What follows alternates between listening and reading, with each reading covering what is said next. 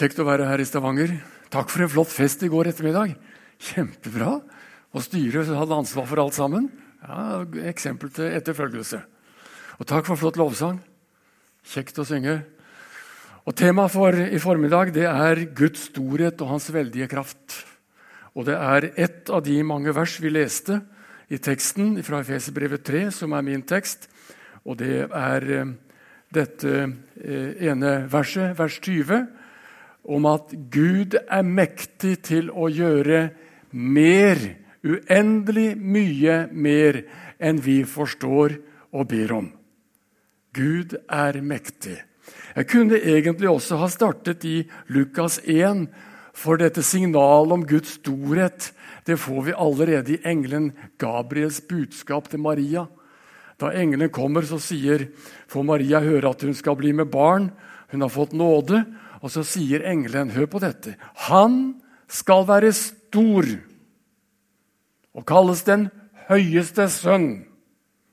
Han skal være konge over Jakobs hus til evig tid. Det skal ikke være ende på hans kongedømme. Allerede ved Jesu bebudelse og starten av graviditeten og Maria som Herrens tjenerinne så ble det gitt signaler om Guds storhet, slik det ble åpenbart i Jesus Kristus.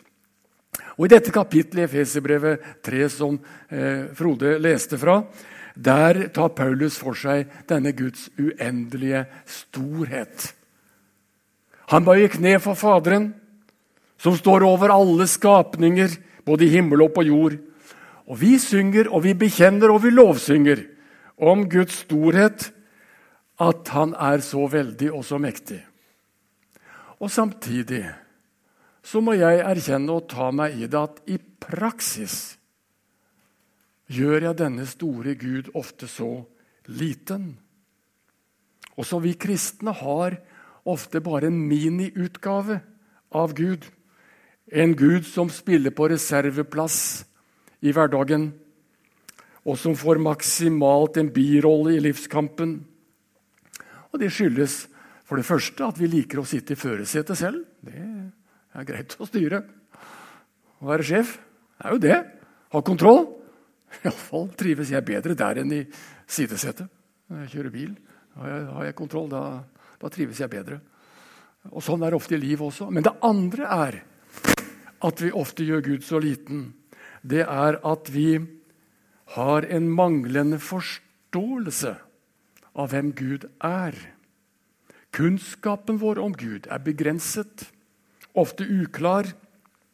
Paulus sier at de vantro egentlig ikke forstår Gud i det hele tatt. De forstår ham ikke, de ser ham ikke. Men sannelig kan også jeg, som altså har vært en troende hele livet, bli blind for hvem Gud i virkeligheten egentlig er. Det er så mange ting som står i veien i hverdagen. Det kan være nederlag, det kan være suksess, det kan være skam, det kan være stolthet, det kan være travelhet eller likegyldighet. Hele spekteret kjenner vi. Og Gud blir ofte borte i hverdagens tåkelandskap. Selv de gudfryktige og fromme disiplene som hadde vandret med Jesus i tre år og var på vei til Emmaus, hva står det om dem? Det står at de så ikke storheten i den oppstandende Jesus som gikk der ved siden av dem. Først da sansene deres øyne, ører og hjerter ble åpnet, står det. Først da bønnfalt de ham. Ikke gå fra oss, Herre. Jeg har denne enkle bønn for i formiddag at, at Herren skulle åpne våre hjerters øyne, så vi kunne se litt mer av Guds storhet. Så det får betydning for vår, vår hverdag. Det første jeg vil understreke om Guds storhet, det er at Guds blotte blotte eksistens bevitner om hans storhet. Gud som Fader, Sønn og Hellig Ånd vitner om det. Og allerede bebudelsen til Maria fra engelen Gabriel om hans storhet, hans kongedømme, som skulle vare til evig tid, det taler om den Jesus som var mer enn et menneske. Avlet ved Den hellige ånd, sann Gud og sant menneske. Og allerede der så starter vår fornuft å protestere og sier det går ikke. Og I kirkehistorien så har det vært stadig vranglære på begge sider. Noen sier enten var han et flott menneske, og han var det ypperste mennesket, det største forbildet. Og der er, der Jesus er opphøyet til det maksimale av hva et menneske kan være, men ikke Gud. Eller det motsatte er han var Guds sønn som steg ned. Og han kom langt ned. Han visiterte jorden, men han ble aldri skikkelig menneske. Og Vranglæren på den sier at den himmelske Kristus forlot den jordiske Jesus før han ble korsfestet på Golgata, og han satt på Oljeberg og lo av han som døde på korset. Det er vranglære på den siden. Altså De som benekter at Gud ble menneske, det er jo å si nei til julebudskapet og hele inkarnasjonen. Han var Guds sønn, men ikke menneske. Mens storheten består jo nettopp i at Gud ble menneske. Ordet ble kjød. Men fornuften vår griper det ikke. Eller for å gå videre i det som var noe av de største kampene i Oldkirken, nemlig ikke bare Jesu to naturlære, som det heter, men også treenighetslæren om at Gud er Fader, Sønn og Hellig Ånd samtidig. Det har fornuften aldri akseptert. Og Det er klart det blir beskyldt for polyteisme, at det er tre guder.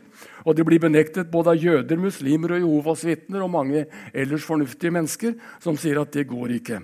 Fordi Jesus' storhet, Guds veldige storhet, sprenger rammen for våre tanker.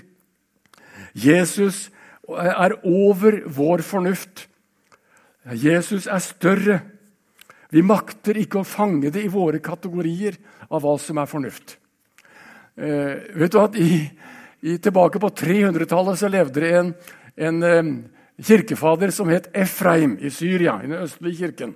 Han har sagt noe veldig fint. Han har sagt følgende Hvis Gud ikke selv hadde villet bli kjent av oss, så skulle ingen i hele skapelsen har vært i stand til å opplyse oss om ham. Finner du tak i det? Så avhengig er vi av Guds selvåpenbaring. At hvis ikke Gud selv hadde gjort seg kjent gjennom at Jesus ble født som et virkelig menneske og kom til vår jord, så hadde ingen i hele skapelsen vært i stand til å opplyse oss noe som helst om Gud. Så stor er han, og så begrenset er vår fornuft og vår forstand. Kirkefader Augustin han har sagt det på sin måte. Han sier kort og godt at hvis du tror at du har lært Gud å kjenne, da er det ikke Gud du kjenner. Hvis du tror du har forstått Gud, da er det din egen Gud du har forstått, men ikke den Gud som er åpenbart i Kristus ikke Guds storhet. Vet du at All vranglære dreier seg dypest sett om at menneskets tanker begrenser Gud. Gud tillates ikke å være større enn min forstand og vår forstand. Mens Paulus skriver at Gud går langt over dette. Det er ufattelig, uransakelig, han er usynlig, og Gud går langt utover det du og jeg kan fatte. Hans storhet er slik at han aldri lar seg fange av fornuftens radar. Guds blotte eksistens bevitner hans storhet. Det er et punkt som heter 'Naturen bevitner Guds storhet og allmakt'. Og jeg holdt på å si Det bøker mer enn å se ut og Vi spaserte hit i dag gjennom snødekte Stavanger. Blå himmel og solen som skinner. Og selv inn i byen så sier vi hvor vakkert det er. Og hva ikke da å komme ut i naturen? Ja, jeg mener Ut i virkelig natur. Det er jo fantastisk. Å se hvordan Gud er skaper alt, av alt liv. Uten ham er ikke noe blitt til av alt som er blitt til. Gud har skapt alt. Derfor er han også herre overalt. Hver dag blåser Gud livets ånde inn i alt og alle. Og Gud oppholder alt ved sin veldige ånd. Organismer, årstidene, mennesker, makro- og mikrokosmos. Alt holdes oppe ved Guds ånd. Trakk Gud seg tilbake, om det så bare for et øyeblikk, så var vi fortapt. Og det er vel det som kanskje er fortapelsen, når Gud stenger døra og trekker seg ut for evig. Når Gud er borte, det er fortapelse. Ja, sier du, men naturen, det er vel noe vi har felles med alle? Ja, det har vi felles med alle. Og alle tror jeg erkjenner det.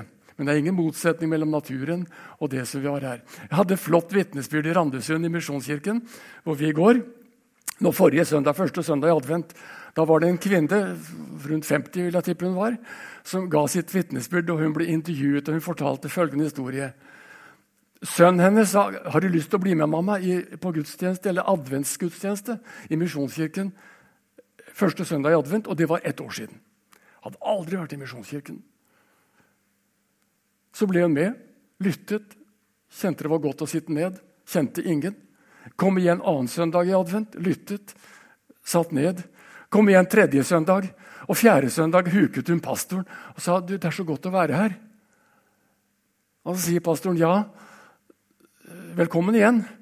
Gud er glad i deg. Har du lyst til å være med i en cellegruppe?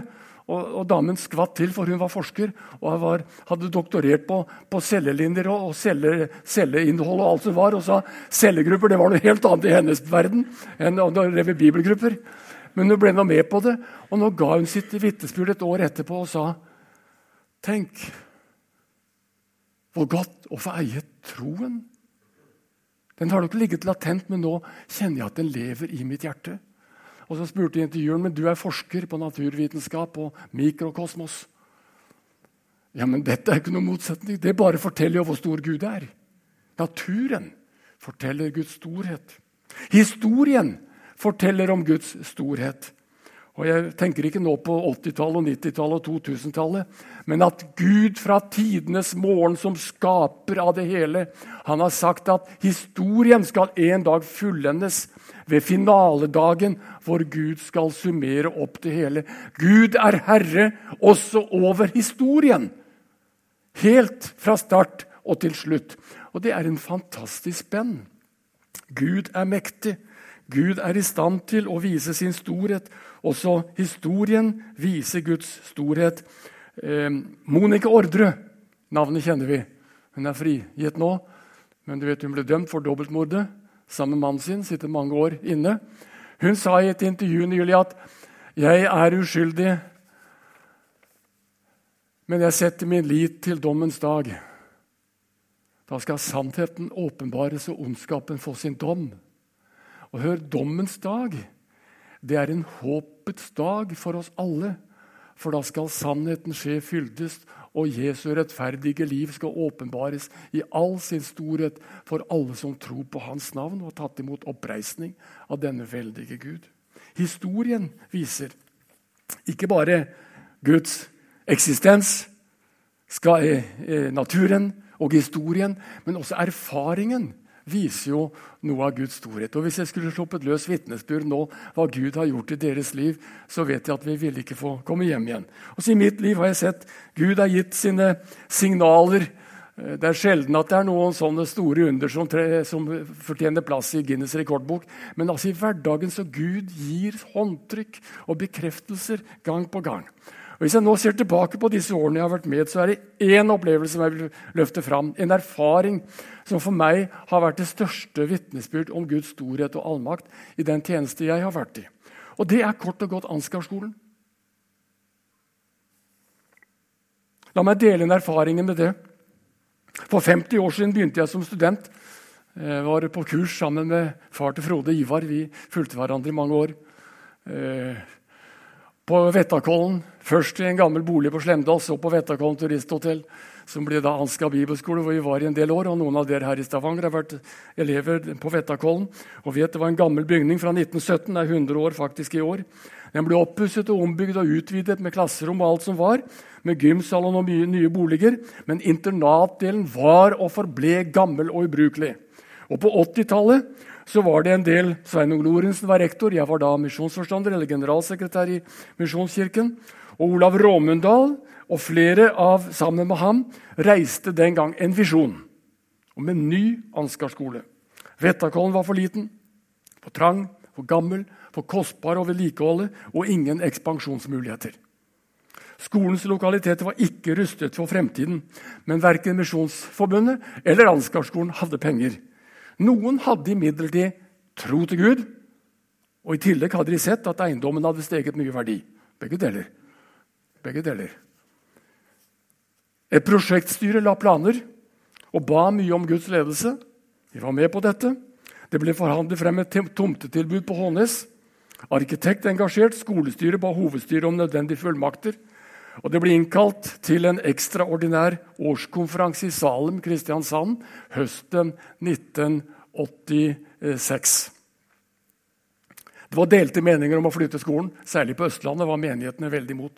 Mange kom til årskonferansen med bundet mandat. Stem nei til flytting av skolen. Men hovedstyrets innstilling til vedtak var kort og godt lagt opp slik at de satte så stramme betingelser både på tidsfrister og på betingelser som skulle oppfylles. Det var så krevende, både på tidsmarginer og alt som var, at motstanden ga seg faktisk i denne ekstraordinære forsamlingen. Og, og Logikken uh, for de fleste svar da følgende Dette kan vi stemme ja til, for disse betingelsene blir aldri oppfylt. Det var logikken. Blant annet skulle Vettakollen selges for minst 25 millioner, og de sa aldri. Den ble aldri oppfylt. Men vi fikk vedtak, og vi gikk videre. Noen av oss så at dette var en bekreftelse fra Herren. Og vi ville, trodde at han ville en slik utvikling, og vi takket Gud, og vi fortsatte å be. Og I månedene som fulgte, så gikk den ene avtalen etter den andre i boks. Salgskontrakt ble inngått på Vettakollen. Vi fikk entreprenøravtale. Vi fikk tomteavtale. Alt gikk etter planen selv om det var store protester. En dag fikk vi over 1000 underskrifter av naboene som protesterte mot å få en bibelskole på Hånes, presentert på styrebordet. Ikke det festligste styremøtet, husker jeg. Kjell Erik, satt ikke du i landsstyret den gangen? da, hovedstyret? Kjenner dette fra innsiden? Vi hadde masse motstand, og sterkest var det fordi at friluftsinteressene kom i kollisjon med planer om utbygging. Det var en liten flik av tomta som var regulert til friluft. Og vi møtte størst motstand i fylkets friluftsnemnd. som Da det kom opp der første gang, sa de nei til planene. Så anket vi, og vi satte vår lit til at annengangsbehandling skulle gi oss medhold. Men da annengangsbehandling kom, så sa de nei på nytt. Og Da husker jeg vi kjente nå. Nå var det vanskelig. Og hadde vi én mulighet igjen, og det var å anke til det nyoppretta Miljøverndepartementet. Og pessimistene sa det tar to år å få svar derfra. Optimistene sa det tar i alle fall et halvt år. Og vi hadde tre uker igjen på tidsfristen før vi måtte annullere alle kontraktene. Vi hadde allerede utsatt, utsatt siste frist for å annullere salgskontrakten på Vetakollen med fire uker. Og vi hadde tre uker igjen. Og jeg husker Vi var på predikantmøte i Trondheim den våren. Det var midt i mars. 18. mars var det i 87. Og Da fikk vi meldingen om at nå er det bare Miljøverndepartementet igjen. Og Da husker jeg vi stoppet opp i predikantmøtet, og jeg og mange av oss som hadde hatt tro for dette. Da ba vi til Gud og, og ble vi usikre og sa har vi tatt feil. Er det ikke dette du vil, Herre? Er det slik at ikke du vil det? Vi ba ekstra til Gud, og på en måte så var vi på et punkt hvor vi ga hele prosjektet tilbake til Gud. Og vi sa kort og godt, 'Gud, dette er ditt prosjekt, og ikke vårt.' Vil du at dette skal bli virkelighet, så må du gripe inn. Og dersom dette ikke er din vilje, og det ikke blir noen ny Ansgar skole på Hånes, så aksepterer vi det. Da fortsetter vi på Vetakallen, og så sa vi ammen. Vi ga det tilbake til Gud. To uker etterpå fikk vi grønt lys i Miljøverndepartementet.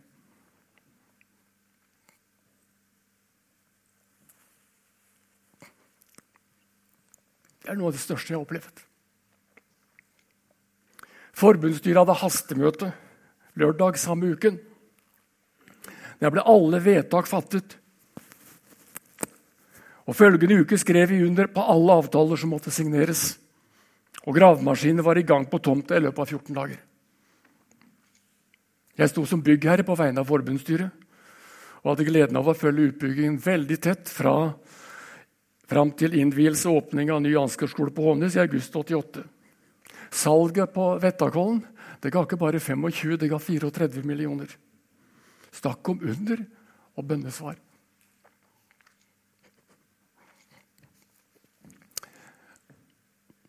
Gud er til stede Ikke alltid det går som vi ber om, men for meg er dette en av de store ting jeg har opplevd.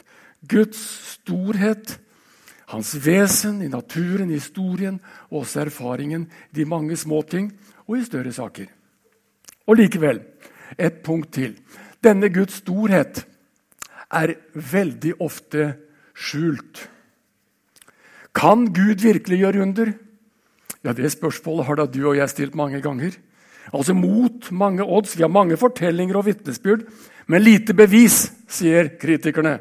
Og det har de kanskje rett i. Også i denne forsamling sitter det mange som har bedt bønner til Gud om hjelp som ikke ble besvart. Og jeg har også vært der. Har bedt bønner som ikke er blitt besvart. Hva med manglende bønnesvar og Guds storhet? Hva med ulykker og alvorlig sykdom?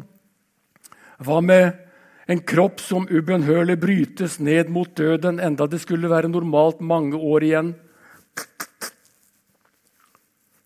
Hva med ulykker? Hva med min beste kamerat, som døde av kreft bare 30 år gammel? Han var nygift pastor, og livet lå for ham. Hvorfor, Gud? Det er få vi har bedt så mye til Gud for som Steinar.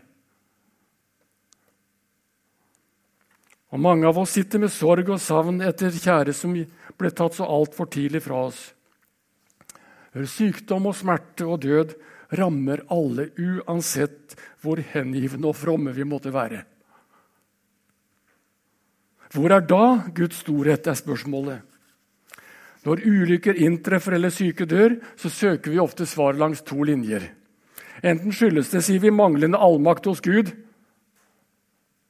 han er ikke mektig nok likevel. Eller så hender vi retter skytset mot oss selv og sier vi har ikke tro nok. Manglende allmakt eller manglende tro? Jeg tror ingen av svarene er fornuftige og ikke bibelske. Kan trygt avvise begge to. Jeg tror Bibelen gir oss et tredje svar, og det er at årsaken er manglende forståelse og innsikt fra vår side. Vi fatter bare ikke og forstår ikke nok.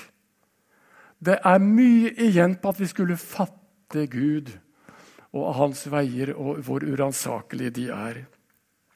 Hør, Gud rommes ikke din og min tanke. Vi ser for kort, og vi lodder for grunt.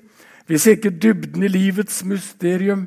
Selv våre inderligste og mest helhjertede bønner er, når alt kommer til alt i Guds øyne, veldig ofte nærsynte og overflatiske. Vi får lov å komme med de, men jeg er ikke sikker på at mine bønner alltid imponerer Gud så veldig. Alt dette vet Gud, så det er ikke farlig å be. Bare fortsett å be. Det gjør jeg, og det skal vi få lov å gjøre. Men vi har altfor stor tro på vår egen dømmekraft. Det er der problemet ligger. Åndelig innsikt og ydmykhet er ikke medfødt for noen av oss. Tvert imot. Vi tror altfor stort om egen dømmekraft. Syndefallet innebærer også at vår tanke og vår fornuft er skadet og noen ganger sågar korrupt. Og Det er derfor hovmotet har så stort spillerom blant oss og i våre egne liv og i våre egne tanker.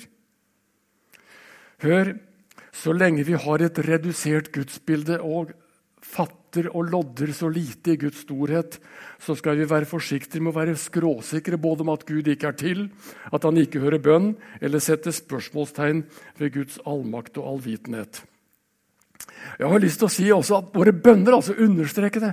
Også våre inderligste bønner avspeiler vår manglende forståelse. Når jeg ber om helbredelse for en syk, så er det ut fra den overbevisningen at det må være det rette for meg og oss og vedkommende og alle. Og motsatt. Det hender jo vi sukker også over at en som er gammel og har levd livet, er mett av dage og ikke ønsker noe mer enn å få lov å slippe av smerten og få lov å få del i herligheten der fremme. Så sier vi, 'Herre, det må jo være det beste'. Ja, vår tanke er slik. Vi lodder likevel ikke Guds storhet. Eh, det må være best slik, sier vi. Og min forståelsesramme styrer selvsagt mine bønner. Men på tross av alt dette, at vi er begrenset, så har Gud kommet til oss og sier at Gud kan gjøre det umulige. Ja, til Maria så lød det fra engelen ingenting er umulig for Gud. Det betyr at Gud vet bedre. Og Det er tilbake igjen i teksten. Ofte sier vi når vi ber og ikke får bønnesvar, kan Gud høre min bønn? Kan Gud gjøre det jeg ber han om?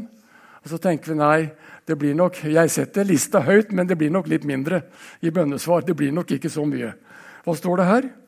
Hør, Gud gjør mer enn vi forstår, står det. Ikke mindre. Den onde vil ha det til at Gud ikke hører så godt, ikke bryr seg, ikke makter så mye. Og noen ganger tror vi mer på Satans løgner enn på Guds løfter. Er ikke det underlig? De lar oss bedra istedenfor å våge å tro på Guds løfter. Her står det nemlig på en tredobbel måte. Gud gjør mer enn, han gjør mye mer enn, ja, han gjør uendelig mye mer enn vi forstår og ber om. Det er den Gud vi har å gjøre med. Det var det de sa i Oldkirken, at Gud er alltid større. Semper major, sa de. Alltid større. Det er den Gud vi har med å gjøre. Guds frelsesplan skal frem i lyset, og Gud har en plan, og den er alltid større. La meg ta med en liten detalj også for dette fra Ansgarskolen på Håndnes. Da vi hadde motstand fra friluftsinteressen og opplevde kampen med underskrifter og alt som var, så ble det redusert slik at vi mistet 15 mål av tomta som var lovet oss av kommunen. Og de 15 mål var ned mot fjorden, så det skulle gå til allmennyttig, altså allmennheten. Og vi bruker jo de målene akkurat som alle andre selvsagt i dag. Men vi kunne aldri ha bygget på det.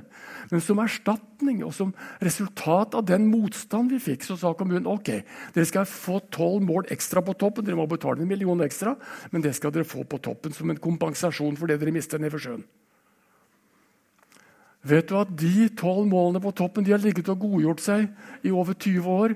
Og det er de 20 millionene vi da fikk for den ekstra tomta, som har gjort at vi bygget ut et helt nytt undervisningsbygg og kapellet. Så kan du sette opp kapellet, så vi får bilde av det. Som ble bygget med mye gaver, og kunstneren Kjell Nupen utsmykket det. Og vi har altså et kapell som er vidunderlig.